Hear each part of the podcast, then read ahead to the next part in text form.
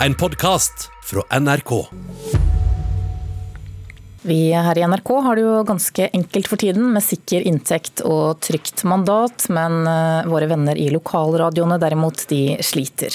Annonsemarkedet har nærmest kollapset under koronakrisen. Regjeringens forslag til krisepakke hjelper noe, men er ikke nok til å dekke tapene. Lokalradioene har aldri opplevd en så vanskelig tid som nå, selv om lyttertallene har økt for mange under krisen og informasjonsbehovet er stort, så er bransjen hardt rammet av permitteringer.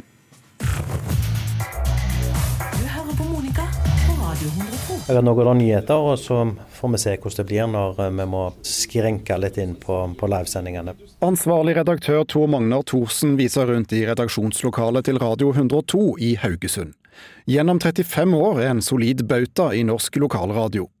Men når regjeringen stengte samfunnet i mars, forsvant livsgrunnlaget for kanalen. Det var akkurat som noen skrudde av en, eh, en bryter, og den bryteren er det ingen som har eh, funnet etterpå. Marginene i bransjen er små, og de kommersielle lokalkanalene lever så godt som utelukkende av reklame. Så lokalradioene har jo måttet snu seg på hodet for å forsøke å holde eh, programledere og journalister i mm, arbeid, og kutte alt av andre kostnader for å forsøke å tilpasse seg den nye inntektssituasjonen. Aslak Skretting er styreleder i både Lokalradioforbundet og Jærradiogruppen, som driver ni kanaler rundt om i landet. De har på en måte ikke råd til å la være å levere på lufta heller. To innlagte i Haugesund, som du hørte.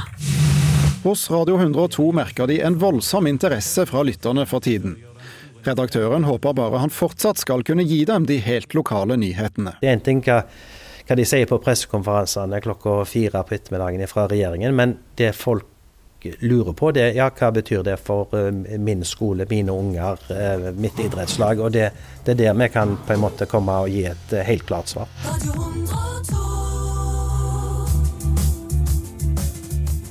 Reporter i denne saken, det var, reporter, var Gisle Jørgensen og Thomas Alvarstein. Ove, og Stortinget skal behandle da et forslag til krisestøtte for for mediebransjen generelt, også lo lokalradioene. Kulturkommentator Agnes Moxnes, god morgen. God morgen. Vi hører at uh, lokalmediene sliter. Uh, men de har jo også fått en spesiell rolle nå. Hva, hva betyr det uh, for norsk medievirkelighet at de overlever? Vi er jo veldig stolte av mediemangfoldet vårt i Norge, og det betyr jo at det er eh, også et veldig aktivt eh, lokalt mediemiljø.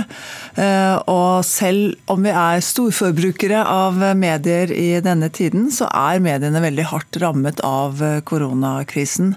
Medietilsynet har regnet ut at tapet er på annonsetapet er på nærmere 1 milliard kroner, mens da medieminister Abid Raja svarer med en kompensasjonsordning på 300 millioner kroner frem til 15.6. 1 milliard kroner disse åtte ukene? Ja, så, eh, ja og så eh, bekymrer det bransjen veldig at han teller hvor mange som hører og leser og ser, altså hvor mange som er aktivt inne og bruker mediene, mens problemet er annonsene, og, og, som jo er selve livsgrunnlaget, særlig for lokalradioene, eh, som nå er blitt borte. da. Mm. I morgen så legges jo revidert nasjonalbudsjett frem, og i år så eh, vil det si noe om hvordan koronakrisen har påvirket lands økonomi, i hvert fall til en viss grad, vil jeg tro.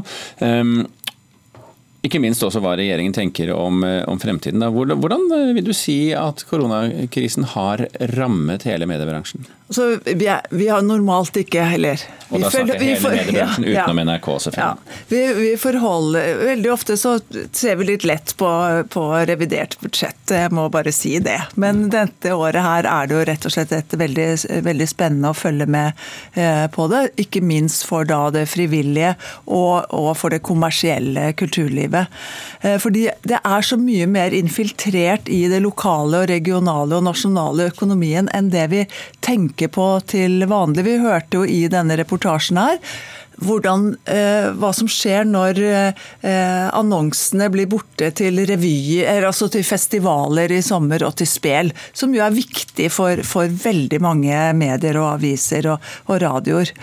Eh, det er altså sånn at Siden 12. mars så har kinoene, teatrene, konsertene, revyene, bibliotekene, museene og festivalene vært avlyst. Altså nå i åtte uker.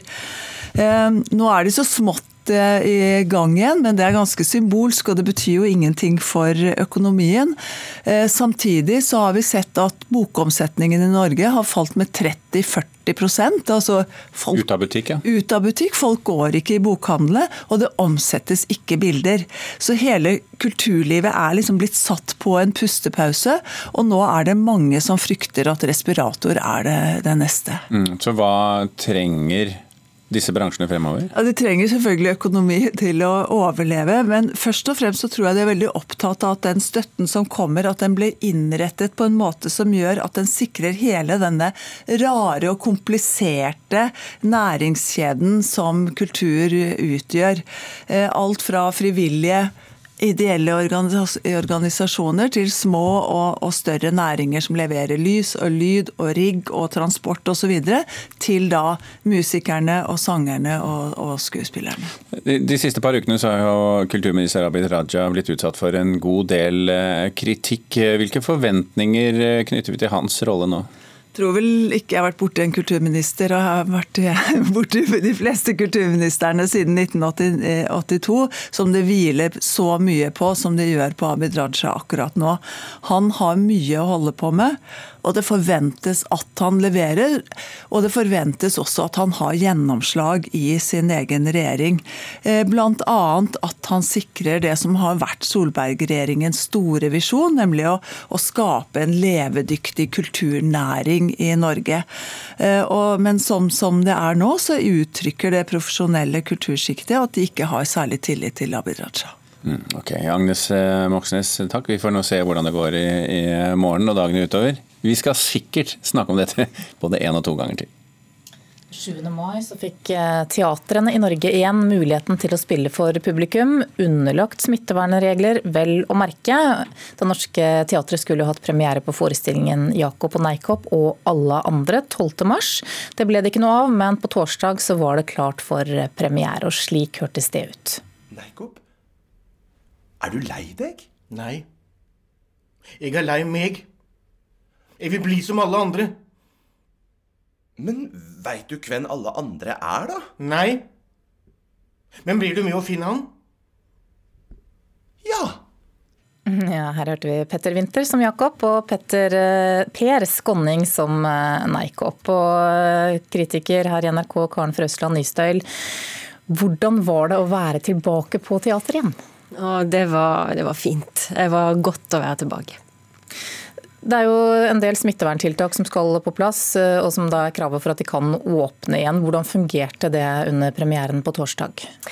Altså, det gikk jo helt greit. Vi ble fulgt inn liksom, i små puljer med de vi gikk i lag med i teatret. Og eh, altså, sendt inn opp trappa, opp heisen, to og to, og ble da vist til plassene våre. Og så satt vi i sånne små klynger i salen med god avstand, og så ble vi fulgt ut igjen når vi skulle ut. Så litt køståing og litt håndspriting og sånn, men eh, det, var veldig fint. Det gikk, det gikk greit. Litt annerledes enn vanlig, selvfølgelig, men eh, men det var det verdt. Okay, og Hvordan var teaterstykket? Først og fremst var det prega av en glede over å få spille igjen for et publikum. Ehm, dette er en forestilling eh, for eh, mennesker fra tre år og oppover, så det var musikalsk og muntert og fysisk, og veldig gjenkjennelig for de som kjenner Kari Stad i sine bøker om Jakob og Neikop. Hun har skrevet seks bøker, og dette er da teaterversjonen av bok nummer fem, 'Jakob og Neikop og alle andre'. Og Det som er fint med å lage teater av akkurat denne boka, eller denne bokserien her, da, det er at uh, Stage sine bøker er fargesterke, preget av store flate, men òg av veldig altså, flate, todimensjonale karakterer på papiret. Og teateret de, blåser de opp, liksom, gir de rom og bevegelse og utvikler personligheten i takt med hvordan boka er, på en måte. Eh, det handler om Jakob som alltid sier ja, og Neikopp som alltid sier nei, og nå kommer da Masekopp inn og sier at, eh, som vi hørte, at Neikopp ikke er som alle andre. Så starter de en jakt på alle andre, og der mister Neikopp seg sjøl. Og det er så fysisk. Å miste seg sjøl har aldri sett det så fysisk før på teatret noen gang. Eh, så det, det er et Det er en fin fortsettelse òg av hennes identitetsprosjekt i disse bøkene, og hennes filosofiske prosjekt i disse bøkene. Mm. Men Fungerer det som barneteater? Ja, det gjør det. Det fungerer godt for voksne, og det fungerer veldig godt for barn. Og det som var så fint da, med alle disse smittevernreglene, det er at når vi satt der i disse klyngene, så, så blir barn og de familiene som var der i lag, veldig tett sammen. Og teater er et sted for undring. Og barna de stiller spørsmål, og de stiller de høyt. Og det, og det gjorde de her òg. Sånn at alt de lurte på med verdensrommet og det med alle andre, altså alt som bare kom, det kom til hele publikum. Vi satt liksom sammen og, og undra oss og fikk sånne fine spørsmål fra barna underveis. Så det, det føltes faktisk nesten mer intimt enn en vanlig familieforestilling. Mm, så er det mange nå som gleder seg til å gå på teater. Hvordan er ståa? Når kan man gå på teater også andre steder?